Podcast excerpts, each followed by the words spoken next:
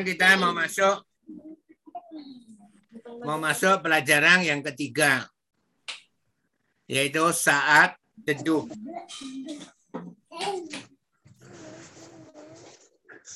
Sebetulnya saat teduh ini adalah sangat penting sekali. Setelah kita melewati langkah pertama bertobat dan kita bisa dekat dengan Tuhan kalau kita sudah melalui bertobat. Dan karena kita bisa dekat dengan Tuhan, kita bisa menerima anugerah keselamatannya. Dan setelah itu, kita perlu saat teduh, yaitu kita berkomunikasi dengan Tuhan. Jika ini sudah, maka kita sudah mempunyai dasar yang pertama. Kalau kita membangun batu yang pertama diletakkan yang di paling bawah itu, inilah bertobat dan menerima anugerah keselamatan Tuhan. Dan yang ketiga adalah saat teduh. Jika tiga ini benar-benar dilakukan, maka kita ada harapan cukup kuat untuk masuk ke dalam kerajaannya yaitu surga yang baru, bumi yang baru, dan kota Yerusalem yang baru. Dan saya minta semua loudspeaker dimatiin kecuali punya buzzer. Oke. Okay. Baik, kita berdoa. Kita minta kepada Tuhan. Haleluya, haleluya. Tuhan Roh Kudus yang mulia yang sangat mengasihi kami. Tuhan kekuatan, kepercayaan, dan kebanggaan kami. Tuhan penolong dan penghibur kami. Tuhan kebenaran dan Tuhan sahabat kami. Ya Tuhan pada hari ini benar-benar kau limpahkan pewahyuhan dan hikmat kemampuan dari surga turun atas anak-anakmu dan benar-benar kau jamah hati anak-anakmu sehingga hati anak-anakmu menjadi hati yang lembut yang lembut Tuhan yang baik yang siap ditabur oleh kebenaran firman Tuhan yang siap bertumbuh dan berbuah-buah di dalam kebenaran firman Tuhan. Ya Tuhan Roh Kudus yang mulia, pada pelajaran yang sangat penting ini. Benar-benar sekali lagi hambamu akuilah berdoa, limpahkan pewahyuhan dan hikmat kemampuan dari surga melimpah-limpah turun atas anak-anakmu. Sehingga apa yang disampaikan akan dimengerti dan dipahami dan benar-benar bisa dilaksanakan dan benar-benar di dalam kasih setiamu anak-anakmu ini. Ya Tuhan mampukan hambamu, kuatkan hambamu, terutama layakkan hambamu, layakkan hambamu Tuhan untuk menyampaikan pengajaran saat teduh ini kepada anak-anakmu. Sehingga apa yang disampaikan benar-benar dimengerti dan dipahami. Tuhan berkaryalah karena kami hanya kepadamu kami bergantung dan berharap. Kami sungguh bangga dan mengucap syukur dan berterima kasih karena kau telah mendengarkan doa-doa kami dan kau telah kabulkan doa-doa kami. Kami bangga dan mengucap syukur dan berterima kasih di dalam nama Tuhan Yesus. Haleluya. Amin. Beri kemuliaan bagi Tuhan. Haleluya. Ya, ya saudara yang pesa amati selama ini, kenapa orang mengikuti Tuhan akhirnya menjadi pengetahuan saja. Dan kenapa orang mengikuti Tuhan bertahun-tahun, bahkan sampai puluhan tahun, tetap saja menjadi formalitas saja. Jadi hidupnya hanya mengikuti formalitas agama saja. Setiap minggu datang, setiap minggu ikut ibadah, dan setelah ikut ibadah merasa ada kelegaan di dalam hatinya. Saudara, teduh itu adalah artinya kita memberi satu saat ya kepada Tuhan untuk kita bisa meneduhkan hati kita, untuk kita dapat merenungkan kebaikan Tuhan dan merenungkan apa yang telah Tuhan lakukan di dalam hidup kita. Itu adalah saat teduh. Jadi kita butuh saat teduh. Banyak orang mengabaikan saat teduh bukan karena mereka tidak mau saat teduh, tapi mereka masuk di dalam putaran dunia ini dan mereka tidak bisa keluar dari putaran dunia ini. Yang bekerja sangat sibuk untuk bekerja, yang pelajar ya sibuk di dalam pelajarannya, di dalam pekerjaan rumahnya, di dalam eksamnya, ujiannya, dan di dalam macam-macam. Sehingga tidak bisa memberikan waktu kepada Tuhan. Dan sudah ditentukan, sudah direncanakan bangun setiap jam 6 pagi. Setelah itu bisa saat teduh kurang lebih 30 menit dengan Tuhan atau 15 menit. Tetapi ternyata pekerjaannya terlalu banyak, akhirnya bangunnya terlambat dan kehilangan saat teduh dan tidak ada hubungannya dengan Tuhan. Dan satu hari demi satu hari, satu hari demi satu hari dilewatkan.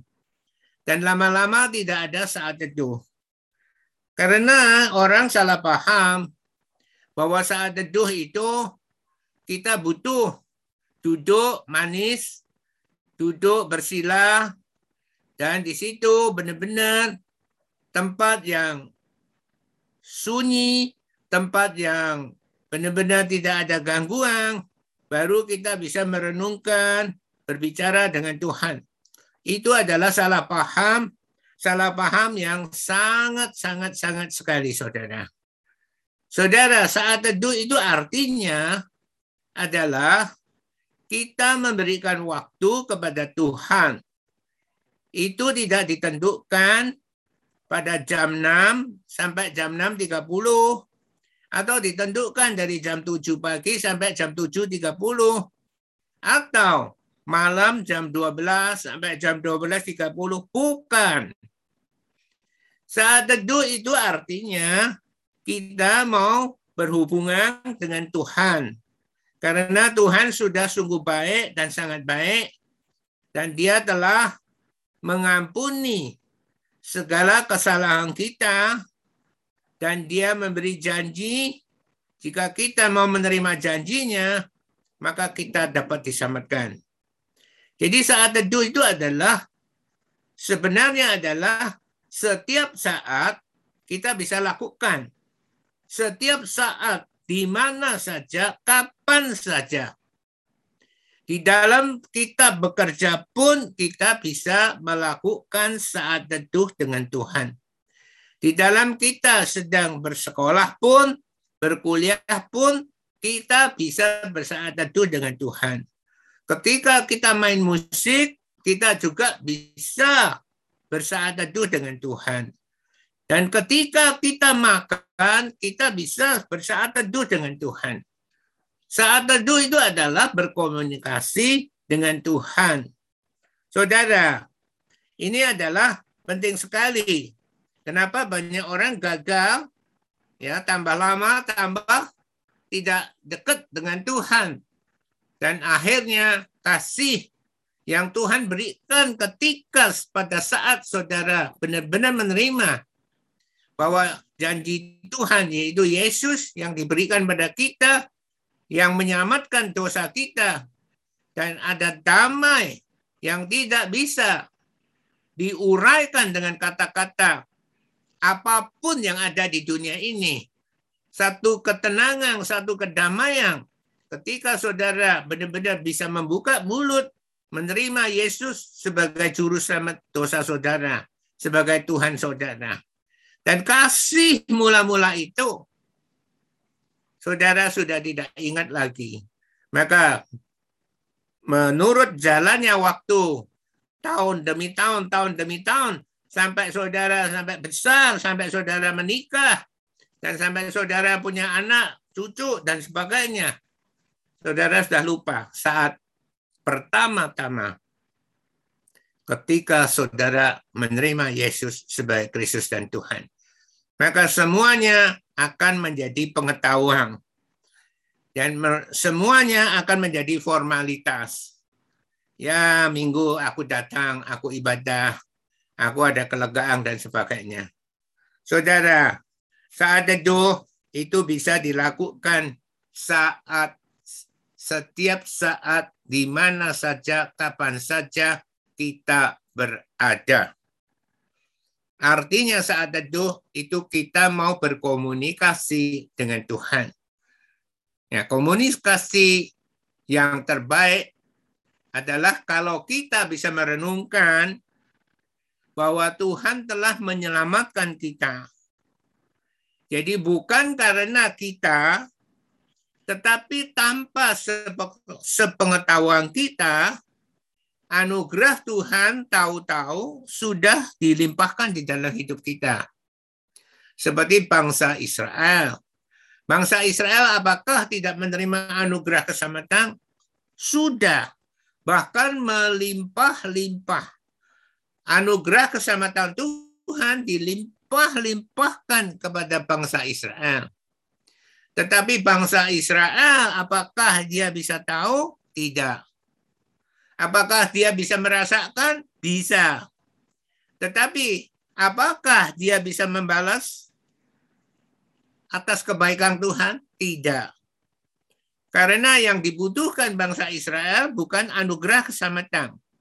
Yang dibutuhkan bangsa Israel adalah sup kambing empuk itu. Sup kambing empuk itu.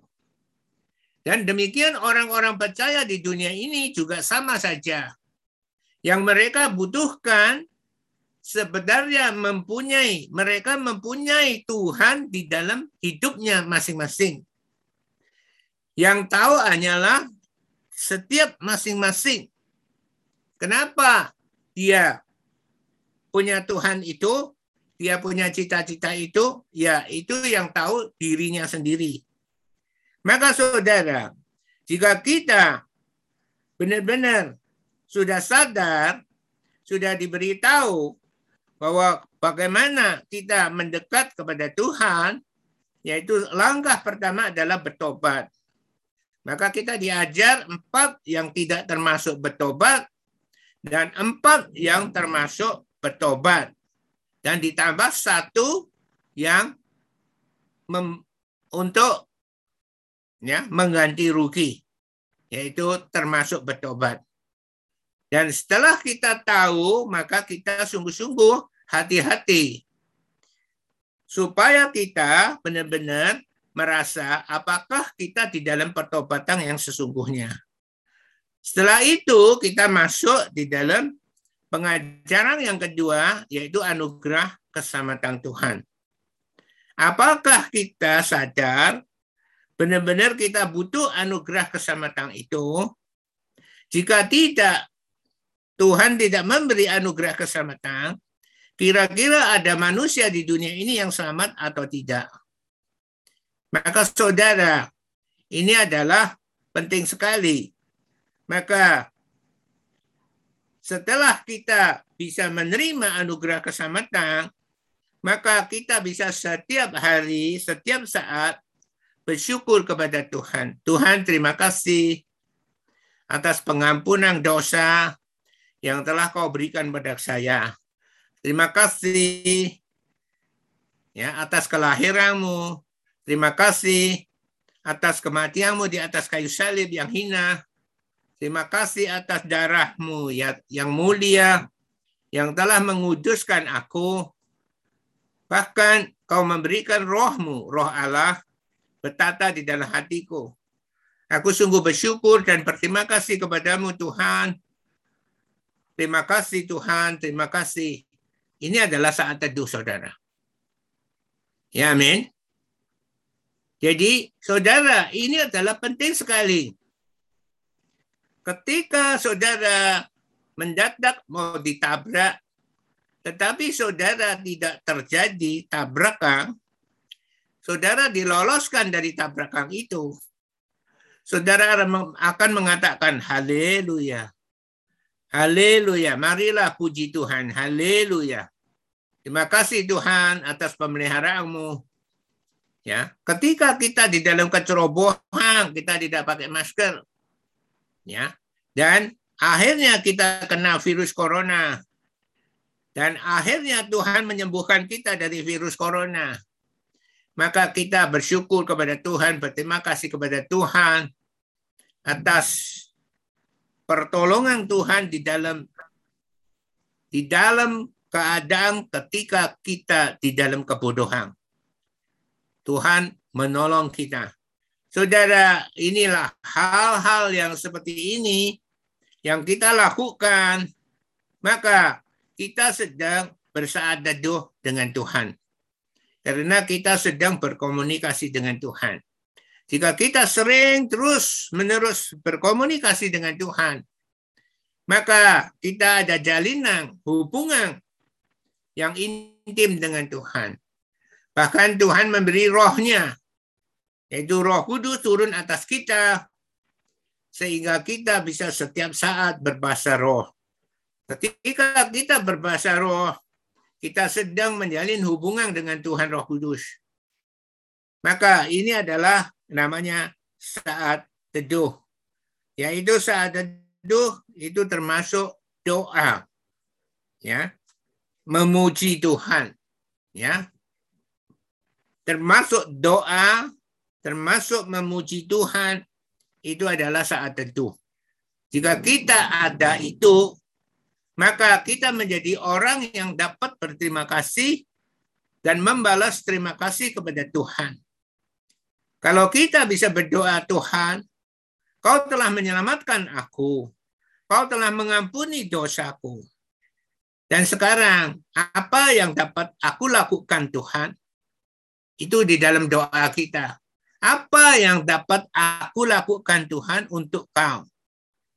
Saudara, ini adalah penting sekali, saudara. Kita lihat Adam. Adam diciptakan dengan sempurna sekali. Semuanya sudah diciptakan Tuhan. Ya, semuanya sudah indah sekali. Dan terakhir, kurang manusia. Maka Tuhan menciptakan manusia menurut gambar dan rupanya. Dan Adam diciptakan dan bukan itu diciptakan saja, ditempatkan di bumi dan di bumi itu dibuat taman yang indah sekali Taman Eden. Bahkan semua pohon yang telah Tuhan ciptakan satu persatu dipindah ke Taman Eden. Bukan Tuhan menciptakan lagi, tetapi pohon-pohon yang ada di dunia ini di satu persatu ditanamkan oleh Tuhan di Taman Eden. Bahkan di Taman Eden diberi pohon kehidupan supaya Adam tidak akan mati selama-lamanya. Tetapi Adam dia tidak mengerti maksud dari Tuhan itu bahwa dia ditempatkan untuk mengusahakan dan memelihara Taman Eden itu. Dan akhirnya Adam gagal dan jatuh dosa. Maka saudara, sekarang saat teduh ini adalah untuk kita berterima kasih kepada Tuhan.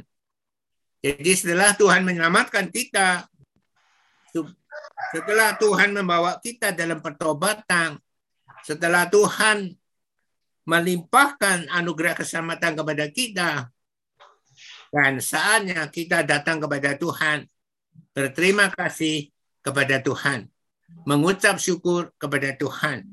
Jika itu kita lakukan setiap hari, setiap saat, maka selama saudara mengikut Tuhan Yesus, itu selalu ada sukacita, ada damai sejahtera, ya ada kasih Tuhan melimpah di dalam kehidupan saudara.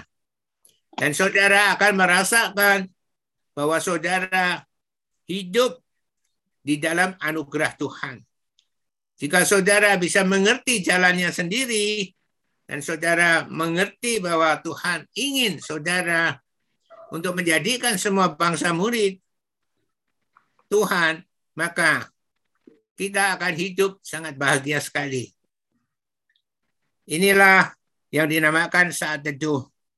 Jadi saudara, ketika saudara ditanya apa yang dinamakan saat teduh, saat teduh adalah berkomunikasi dengan Tuhan. Kita adakan waktu untuk berkomunikasi dengan Tuhan. Jadi tadi sudah di, sudah dijelaskan saat teduh bukan jam 6 sampai jam 6.30. Ya, bukan jam 5 sampai jam 5.30. Bahkan ada lagu ya, ketika jam 5 pagi ya, kita berdoa kepada Tuhan. Ya. Saat teduh adalah kita ya, berkomunikasi dengan Tuhan. Jadi kalau kita di Singapura mungkin kita bekerja, kita naik MRT sampai tempat kerja kurang lebih 40 menit. Kita duduk di MRT 40 menit. Kita bisa bersaat teduh dengan Tuhan. Kita bisa berkomunikasi dengan Tuhan. Kita bisa mengucap syukur dengan Tuhan. Ketika kita sibuk sekali dan kita sudah masuk kantor, sudah bekerja, kita bersyukur kepada Tuhan. Tuhan telah antar saudara sampai ke tempat tujuan dengan tidak kurang satu apa pun. Saudara bersyukur atas apa yang telah Tuhan lakukan di dalam hidup saudara. Ini adalah saat teduh saudara. Amin. Jadi saat teduh termasuk doa. Ya, termasuk memuji Tuhan. Jadi saat teduh bukan menyanyi, saudara. Ya, amin. Jadi saat teduh bukan menyanyi. Tetapi saat teduh adalah kita lihat di Yohanes pasal 4. Injil Yohanes pasal 4.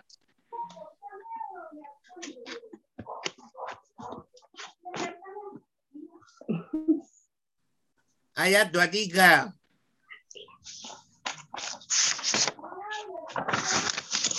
Ya, ini ada loudspeaker yang dihidupkan, tolong dimatikan.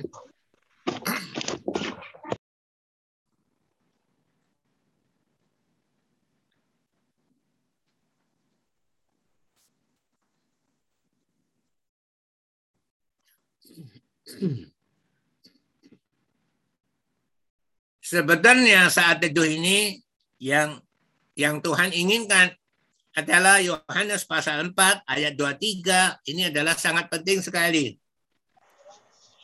Tetapi saatnya akan datang dan sudah tiba sekarang.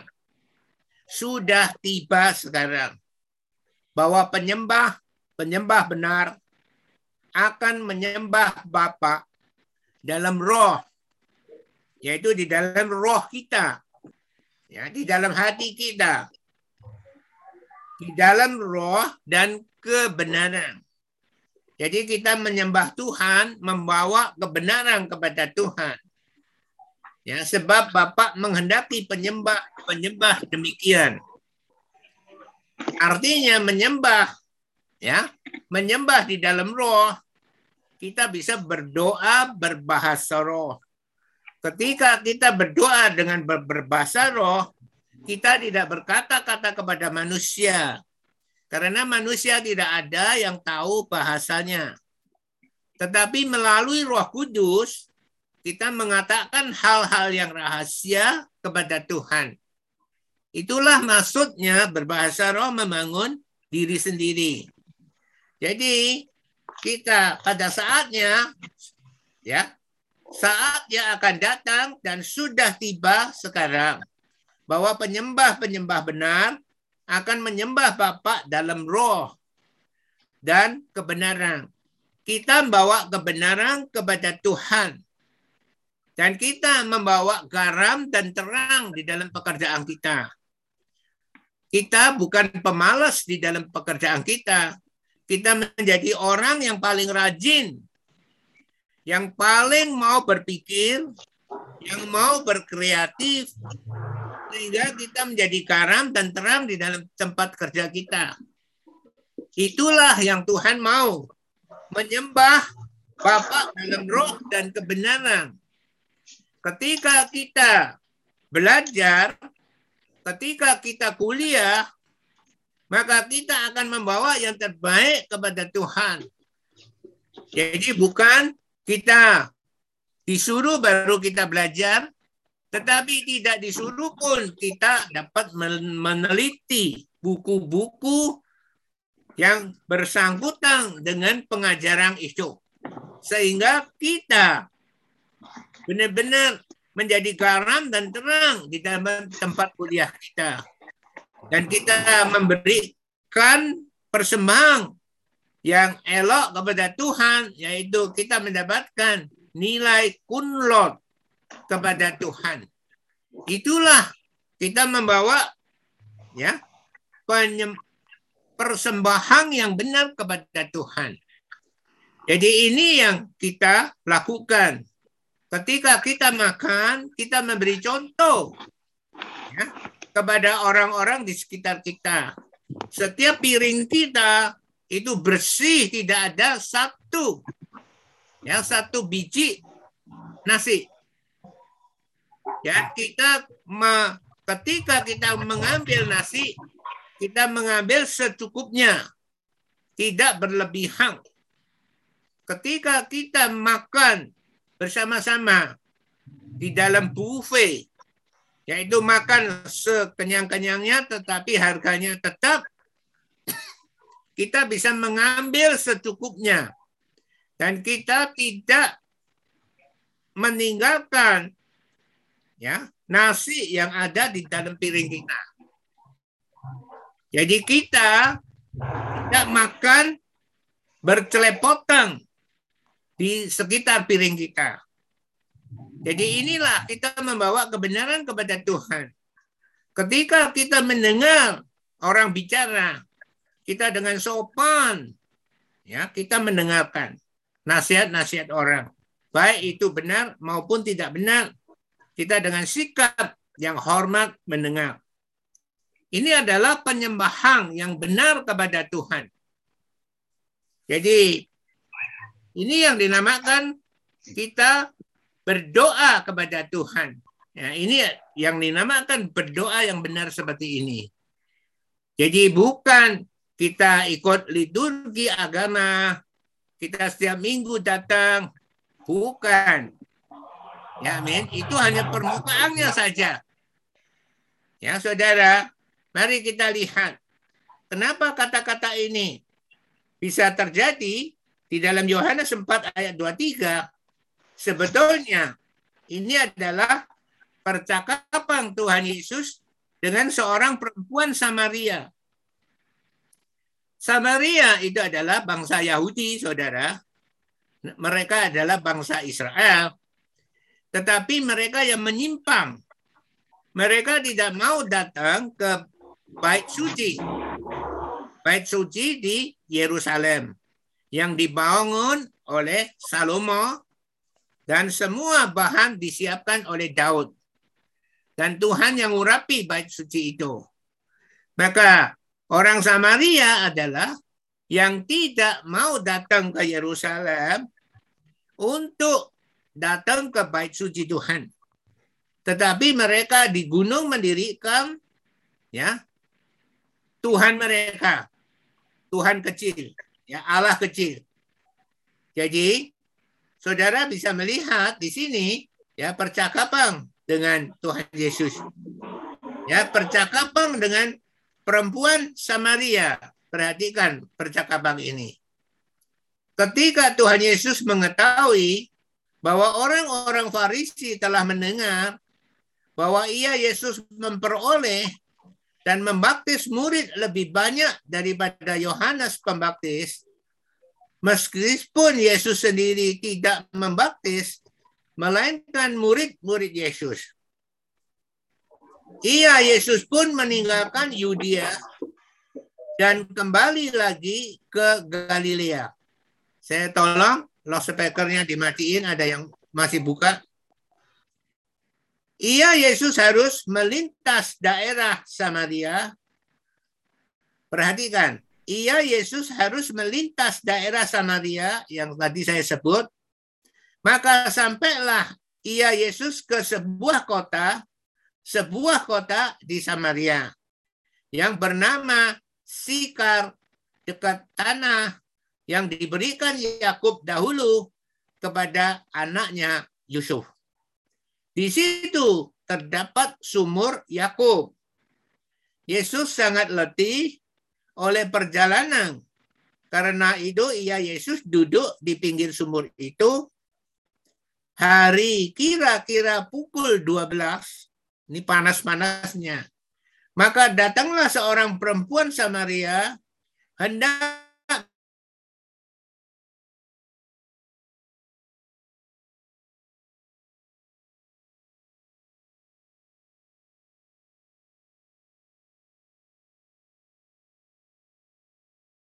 orang perempuan sebab murid-muridnya itu murid-murid Yesus telah pergi ke kota membeli makanan. Maka kata perempuan Samaria itu kepada Yesus, "Masakan engkau seorang Yahudi minta minum kepadaku seorang Samaria?" Perhatikan. Jadi orang Yahudi itu pantang berhubungan dengan orang Samaria. Karena orang Samaria dianggap pengkhianat. Ya. Perempuan itu berkata kepada Yesus, "Masakan engkau seorang Yahudi minta minum kepadaku seorang Samaria?" Sebab orang Yahudi tidak bergaul dengan orang Samaria.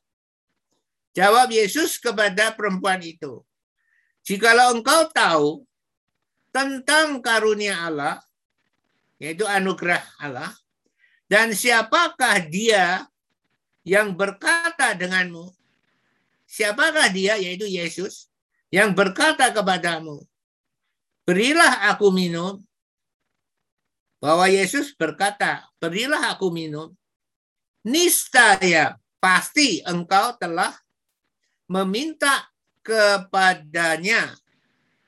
Dan ia yaitu Yesus telah memberikan kepadamu air hidup yaitu hidup kekal. Saudara, ini percakapan Yesus dengan orang Samaria. Kata perempuan itu kepada Yesus, "Tuhan, engkau tidak punya timba dan sumur ini amat dalam. Dari manakah engkau memperoleh air hidup itu? Adakah engkau lebih besar daripada bapak kami Yakub? Ya. Perhatikan mereka Samaria keturunan Yakub, keturunan Israel. Adakah engkau lebih besar daripada bapak kami Yakub yang memberikan sumur ini kepada kami dan yang telah minum sendiri dari dalamnya? ia serta anak-anaknya dan ternaknya. Yaitu Yakub serta anak-anaknya dan ternaknya minum dari sumur ini. Jawab Yesus kepada perempuan itu, Barang siapa minum air ini, ia akan haus lagi. Tetapi barang siapa minum air yang akan ku Yesus berikan kepadanya, ia tidak akan haus untuk selama-lamanya. Sebaliknya, air yang akan ku Yesus berikan kepadanya akan menjadi mata air di dalam dirinya yang terus-menerus memancar sampai kepada hidup yang kekal. Apa air yang sudah diberikan Yesus? Yaitu Tuhan Roh Kudus itu. Jadi kita bisa berbahasa roh dan kita terus tidak pernah haus. Kata perempuan itu kepada Yesus, Tuhan, berikanlah aku air itu, supaya aku tidak haus dan tidak usah datang lagi ke sini untuk menimba air. Kata Yesus kepada perempuan itu, pergilah, panggillah suamimu, dan datang ke sini. Kata perempuan itu, aku tidak mempunyai suami. Kata Yesus kepada perempuan itu, tepat katamu, bahwa engkau tidak mempunyai suami, sebab engkau sudah mempunyai lima suami, dan yang ada sekarang padamu bukanlah suamimu. Jadi semua itu bukanlah suamimu. Dalam hal ini engkau berkata benar. Dia bujang tidak punya suami. Ya. Kata perempuan itu kepada Yesus, Tuhan nyata sekarang padaku bahwa engkau seorang nabi karena Yesus bisa tahu bahwa dia tidak punya suami. Sekalipun dia mempunyai lima suami. Tetapi itu bukan suami yang resmi. Nenek moyang kami, perhatikan perempuan itu berkata, nenek moyang kami menyembah di atas gunung ini. Perhatikan. Ya mereka tidak datang ke Yerusalem. Nenek moyang kami menyembah di atas gunung ini. Tetapi kamu katakan bahwa Yerusalemlah tempat yang tempat orang menyembah. Ya, ini perempuannya berkata Yesus seperti ini. Kata Yesus kepada perempuan, percayalah kepadaku Yesus. Hai perempuan, saatnya akan tiba. Perhatikan, saatnya akan tiba bahwa kamu akan menyembah Bapa bukan di gunung ini. Perhatikan. Bukan di gunung ini dan bukan juga di Yerusalem. Perhatikan. Dan bukan juga di Yerusalem. Ini penegasan Yesus loh, saudara. Sedang Yerusalem itu adalah ada bait suci Tuhan. Kamu menyembah apa yang tidak kamu kenal. Yesus mengatakan pada perempuan itu, kamu menyembah apa yang tidak kamu kenal. Kami, yaitu Yesus dan kawan-kawannya, menyembah apa yang kami kenal. Sebab keselamatan datang dari bangsa Yahudi. Tetapi saatnya akan datang dan sudah tiba sekarang bahwa penyembah-penyembah benar akan menyembah Bapa dalam roh dan kebenaran. Sebab Bapak menghendaki penyembah-penyembah demikian. Allah itu roh dan barang siapa menyembah dia harus menyembahnya dalam roh dan kebenaran. Sekarang saudara sudah mengerti kata-kata ini? Amin. Amin. Jadi menyembah Tuhan, Tuhan sudah memberi mekanisme kepada kita yaitu berbahasa roh. Kita bisa berbahasa roh setiap saat, membangun diri sendiri. Kita tidak berkata-kata kepada manusia, kita tidak perlu pamer ketika kita berbahasa roh. Ya, bahkan kita menciptakan ya variasi berbahasa roh. Seolah-olah kita adalah pendeta yang hebat, Ya, wala wala wala wala wala wala bukan. Saudara sekarang coba katakan wala wala wala. Saudara berbahasa roh atau berbahasa berbahasa manusia. Ya wala wala itu berbahasa manusia, saudara. Tetapi kalau saudara menggerakkan lidah saudara, ini saudara berbahasa roh. Saudara mengerti? Amin. Kenapa banyak pendeta suka oh, ya mempunyai variasi berbahasa roh karena supaya dilihat keren. Tetapi itu bukan berbahasa roh. Saudara mengerti? Berbahasa roh adalah simpel. Ya, amin. Amin. Amin. Ya, saudara. Sekarang saudara mengerti? Bukan menyembah di gunung ini, juga bukan menyembah di Yerusalem. Tetapi orang percaya, dia merasa lega sekali jika dia bisa beribadah setiap minggu.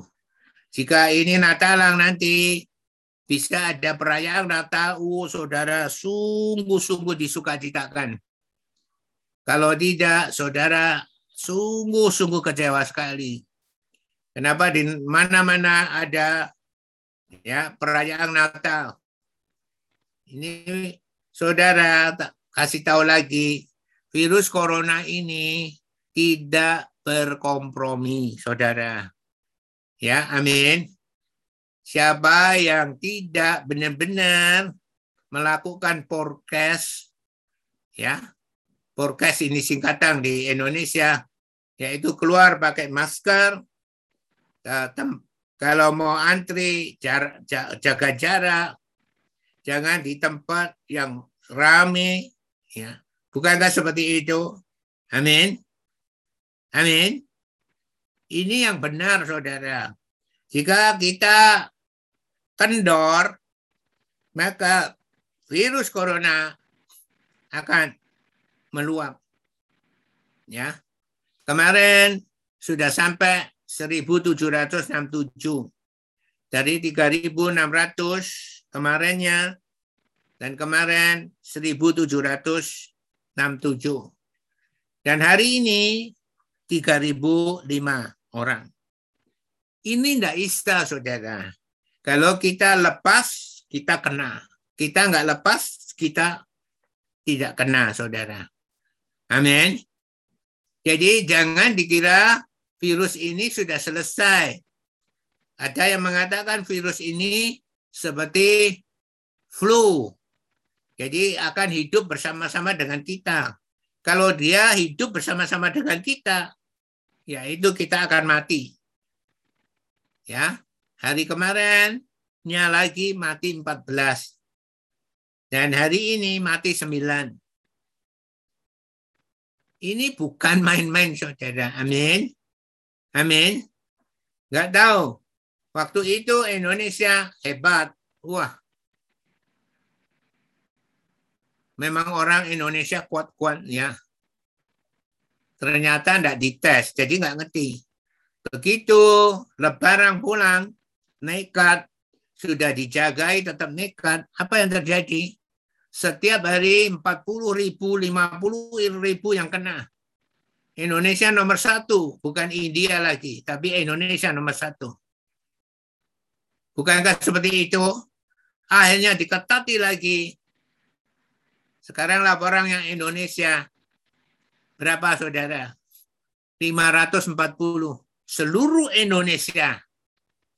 Tapi di sini 3005. Di seluruh Indonesia 541. Nah, ini sekarang katanya Jogja sudah mulai rame, mal-mal sudah mulai rame, orang-orang merasa sudah super.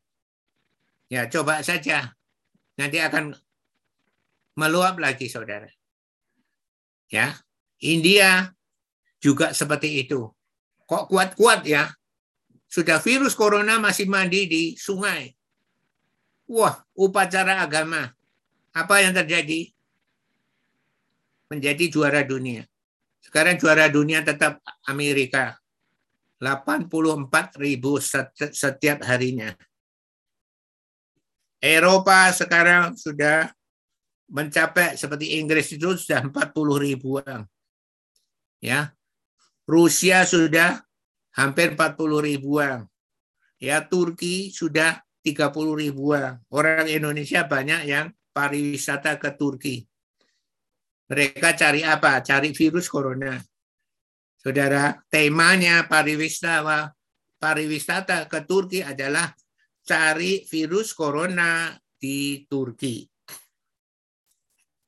Sungguh mengerikan. Saudara, banyak orang merasa kalau sudah ibadah, ya itu ada satu kelegaan. Saudara, ibadah sum ini ini yang terbaik. Entah kau di Kudus, entah kau di Cirebon, ya, entah kau di Kalimantan, entah kau di Sulawesi, Toraja, entah kau di Pekanbaru, ya, entah kau di Manado, kita entah kau di Bali, kita bisa adakan ibadah bersama. Jadi saudara, ini adalah saat teduh berkomunikasi dengan Tuhan, yaitu ya membangun diri sendiri, ya membangun roh kita, menyembah di dalam roh dan kebenaran. Kita jadi garam dan dunia di dunia untuk mempersembahkan kepada Tuhan. Itu adalah saat teduh.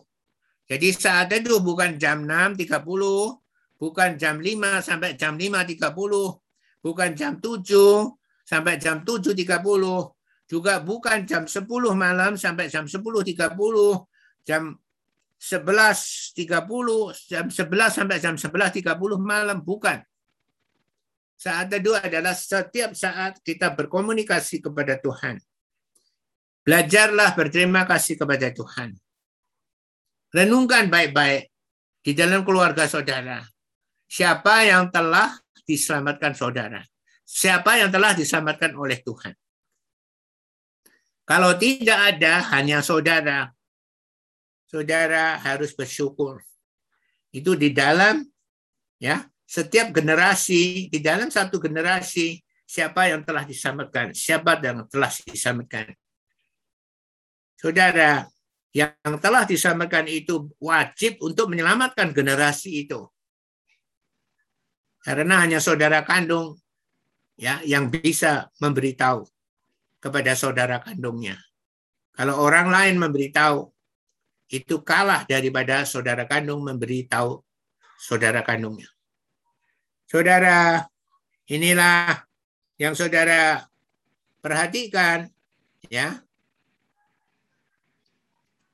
Jadi ayat Yohanes 4 ayat 21 kata Yesus kepada perempuan itu, "Percayalah kepada kau Yesus, hai perempuan, saatnya akan tiba bahwa kamu akan menyembah Bapa bukan di gunung ini dan bukan juga di Yerusalem dan bukan juga di Yerusalem.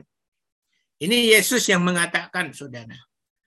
Sedang Yerusalem dibangun bait suci Tuhan dengan ratusan ya ribu kambing, domba, ya lembu sebagai korban untuk mendirikan bait suci itu.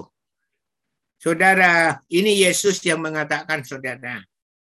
Jadi saudara sekarang sudah tahu yang dinamakan saat itu kita meluangkan waktu kita di mana saja, kapan saja, tidak dibatasi di mana saja, tidak dibatasi waktu. Setiap waktu kita bisa berdoa, kita bisa memuji Tuhan kita bisa berbahasa roh, doa berbahasa roh, kita bisa memuji Tuhan. Setiap ada kejadian, ya, saya selalu bersyukur kepada Tuhan di dalam doa pastor bahwa anak-anak yang ada di tubuh Kristus ini, walaupun kena virus corona, tetapi semuanya sehat. Saudara, bayangkan kalau setiap hari mati 15, 10, 15, mati, terus. Mengerikan nggak, saudara? Ya, amin. Saudara dilindungi. Ya, kalau saudara bisa bersyukur, saudara sedang bersaat teduh dengan Tuhan. Nah, kenapa kita makan harus berdoa? Itu bukan formalitas. Tetapi itu benar-benar kita mengucap syukur kepada Tuhan, atas makanan, atas minuman yang Tuhan berikan kepada kita. Ya, amin. Amin. Ketika kita jatuh, ketika kita ditabrak, dan kita tidak mati, kita bersyukur kepada Tuhan. Tanpa perlindungan Tuhan, kita tidak mungkin bisa hidup. Saudara mengerti, amin. Nah, jika saudara bisa terus mengucap syukur, atas pengampunan dosa yang Tuhan telah berikan pada saudara. Saudara tidak menanggung dosa itu lagi, tetapi Yesus yang menanggung. kita bersyukur, kita berterima kasih, bahkan kita mau bertekad membalas terima kasih. Itu yang dinamakan saat teduh. Nah, jika itu yang kita lakukan sampai kita menghembuskan nafas terakhir pun kita tetap dekat dengan Tuhan. Ini adalah saat teduh yang pertama. Yang kedua adalah membaca dan meneliti firman Tuhan. Merenungkan dan mentaati firman Tuhan. Intinya adalah membaca firman Tuhan. Maka saudara, bagaimana kita bisa membaca firman Tuhan? Jika kita tidak diajar cara membaca firman Tuhan. Maka saudara dikotbahkan dengan secara ekspositori supaya saudara bisa mengerti. Seperti barusan yang saya tampilkan Yohanes 4 ayat 23 tadi. Kalau saudara hanya dikotbahkan Yohanes 4 ayat 23, maka saudara tidak tahu asal usulnya. Tetapi ketika saudara ditampilkan Yohanes 4 dari ayat 1, percakapan dengan perempuan Samaria itu, saudara baru tahu. Pada saatnya ya orang tidak menyembah di gunung ini atau di Yerusalem. Tetapi orang akan menyembah kepada Bapa dalam roh dan kebenaran. Yaitu yang dimaksud Tuhan seperti itu. Jika ini yang dikotbahkan, yang diberikan hanya Yohanes 4 ayat 23, maka saudara bingung. Tetapi setelah dibacakan dari ayat 1 sampai ayat 23, saudara baru tahu, oh maksudnya seperti ini. Jadi saudara, belajarlah jangan formalitas, saudara. Belajarlah dengan sungguh-sungguh hati, benar-benar mengucap syukur dan berterima kasih kepada Tuhan. Renungkan berapa orang yang belum diselamatkan. Renungkan keluarga, teman-teman, sudah berapa orang yang sudah percaya. Seperti teman pastor, waktu sakit keras, pastor berusaha menengok. Sayang, dia tidur. Jadi kita tidak bisa memberitakan Injil kepadanya. Tahu-tahu dia sudah meninggal. Saudara, saudara mengerti tiap orang beda-beda. Ya, bos Singapura ya hanya mengajak makan untuk mendoakan suaminya supaya disembuhkan. Tetapi dia malah menerima Yesus. Dia malah dipakai Roh Kudus. Saudara, tiap orang beda-beda, saudara. Jadi, apakah teman-teman satu kelas pastor tidak diinjili oleh pastor? Diinjili. Begitu ada ada kesempatan pastor bisa menyampaikan bahwa orang perlu mengaku dosa, perlu men, perlu mengaku tidak mampu menebus dosanya, perlu menerima Yesus. Tetapi mereka tidak bereaksi. Sampai mereka sakit keras, ditengok, tidur. Berapa hari lagi, satu minggu, dua minggu, dia sudah meninggal. Tidak ada gunanya. Saudara, renungkan kenapa saudara bisa ya diselamatkan. Maka jika saudara setiap hari bisa mengucap syukur atas pengampunan dosa, atas anugerah keselamatan yang telah dilimpahkan di dalam hidup saudara, saudara sedang saat teduh dengan Tuhan.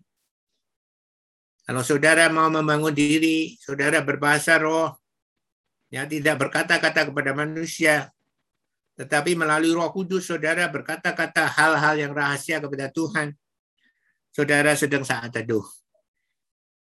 Dan seperti manusia, dia terdiri dari tubuh, jiwa, dan roh. Tubuh butuh makanan, butuh roti, butuh nasi, butuh lauk pauk, ya, untuk kita hidup.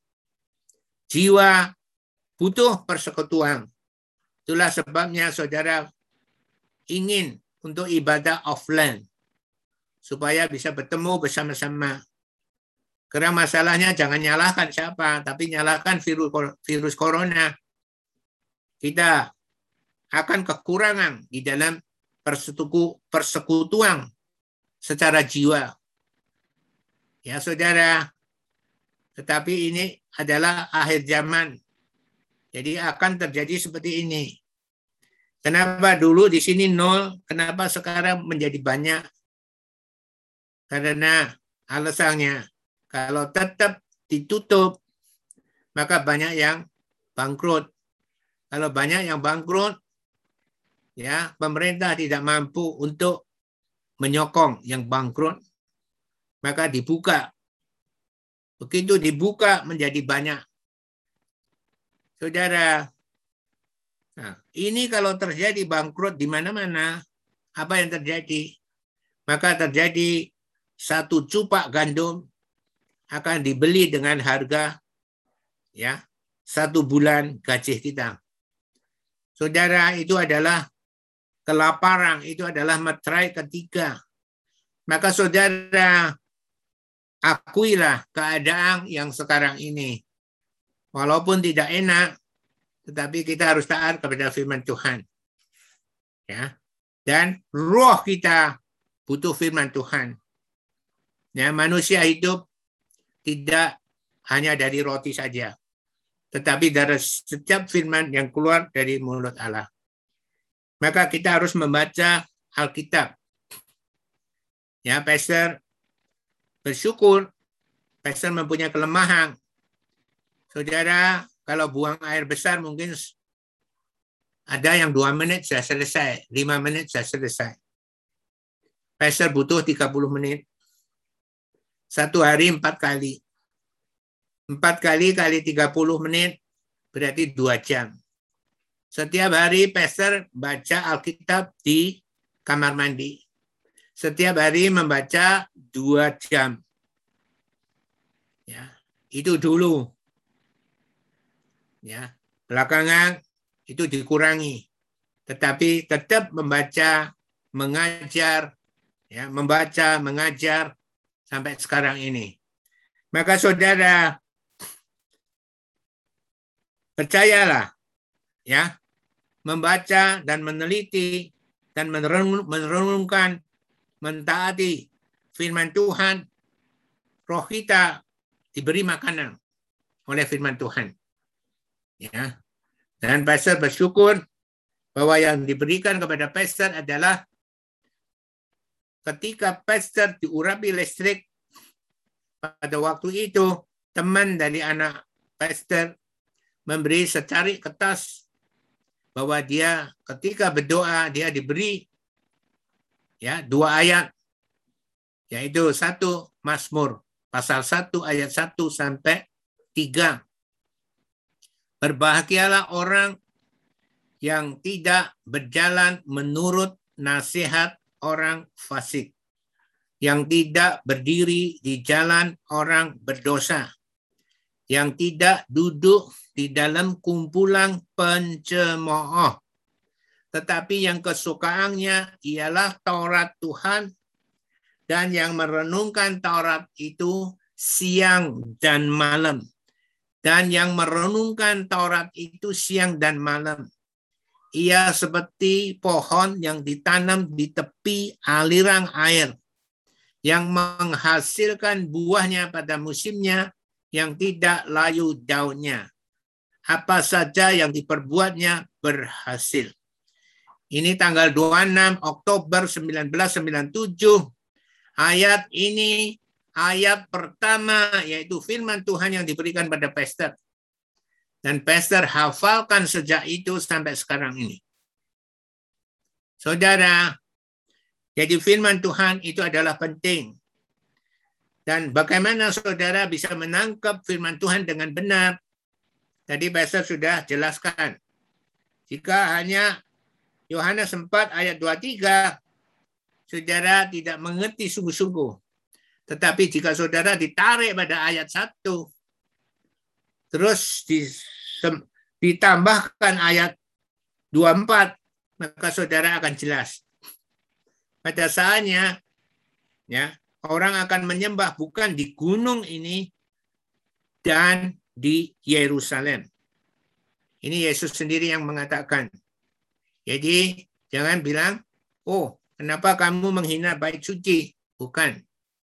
Jadi saudara memuji Tuhan, ya berkomunikasi dengan Tuhan itu tidak harus di dalam gereja.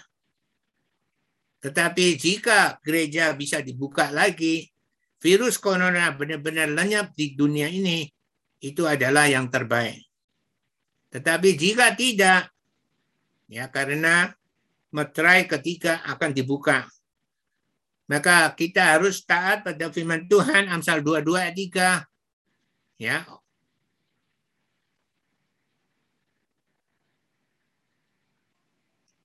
Kalau orang bijak melihat malapetaka, bersembunyilah ia. Ya, tetapi orang tak berpengalaman berjalan terus lalu kena celaka. Ini yang kita lakukan. Ya, jadi kita tidak adakan ibadah ya Natal pada tahun 2021 ini. Jadi saudara, inilah yang dinamakan saat teduh. Maukah saudara mendengarkan khotbah ekspositori ekspositori kembali supaya saudara mempunyai fondasi yang kuat bagaimana kita menangkap pewahyuhan dari setiap perikop yang kita baca. Supaya setiap saudara, setiap kali saudara membaca Alkitab sendiri, saudara bisa menangkap pewahyuan yang benar, bukan yang salah. Maka saudara, ini adalah saat. Jadi jangan salah paham lagi jadi kalau saudara seperti Mazmur 42 ayat 2, Mazmur 42 ayat 2, seperti rusa yang merindukan sungai yang berair, demikianlah jiwaku merindukan engkau, ya Allah. Harusnya kita mempunyai ya sikap seperti rusa yang haus akan air, maka kita haus kepada Tuhan dan kita berdoa kepada Tuhan, kita berbahasa roh setiap saat.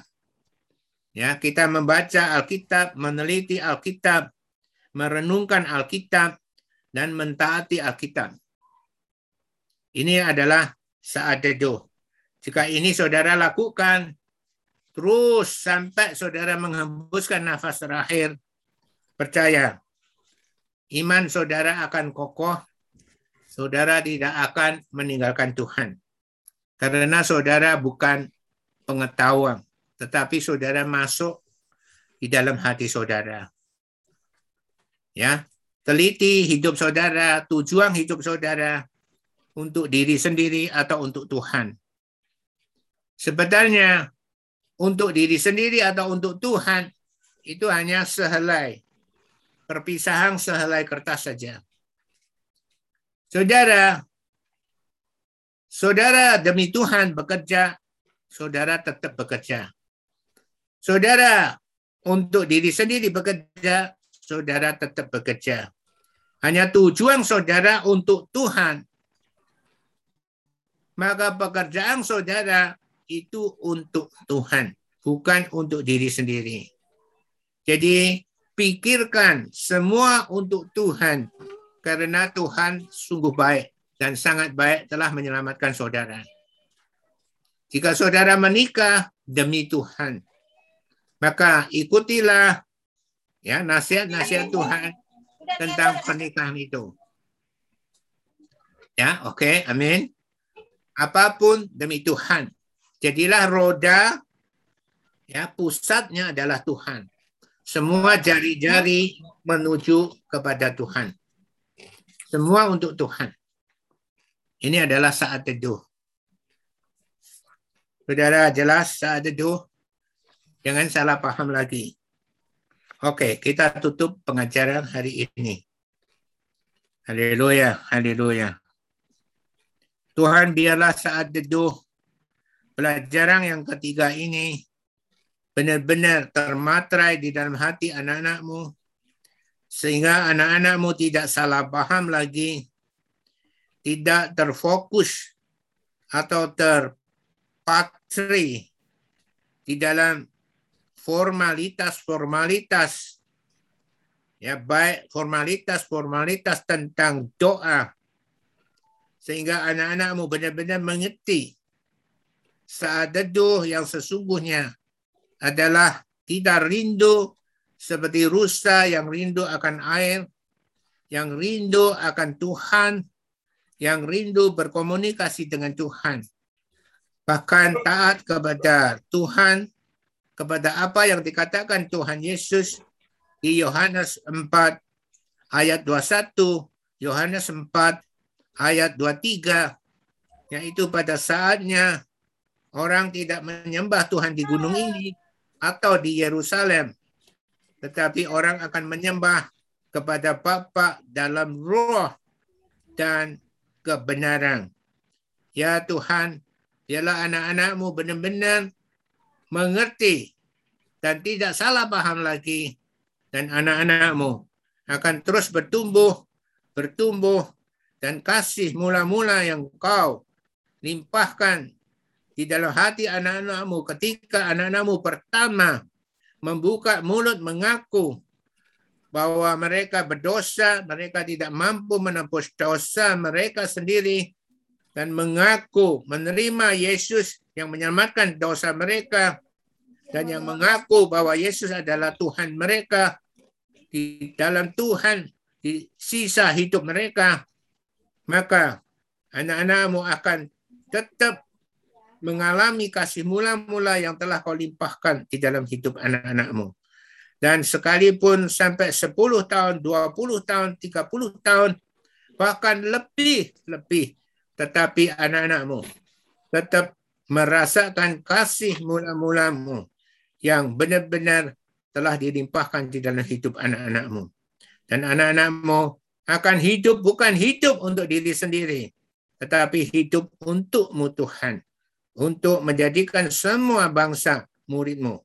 Ya Tuhan, inilah anak-anakmu, tubuh Kristus Jogja, yang berpusatkan pada daerah Kalasan dan yang telah kau kembangkan ke seluruh kota-kota di seluruh Indonesia baik Kudus, baik Cirebon, baik Toraja, baik Ujung Pandang, baik Kendari, baik Pekanbaru, baik Tarakang, Kalimantan, baik Samarinda, ya baik Bali, baik kota-kota yang ada di seluruh Indonesia di kota Yogyakarta benar-benar menjadi alatmu yang sungguh sungguh berguna bagi perluasan kerajaanmu di muka bumi. Ya Tuhan kami serahkan anak-anakmu ke dalam tangan kasih setiamu. Dan hanya di dalam nama Tuhan Yesus Kristus yang kami kasihi, kami sungguh telah berdoa dan mengucap syukur dan bangga Tuhan Roh Kudus yang mulia. Di dalam nama Tuhan Yesus. Haleluya. Amin. Beri kemuliaan bagi Tuhan. Ya, ada pertanyaan? Ini khotbah yang paling pendek.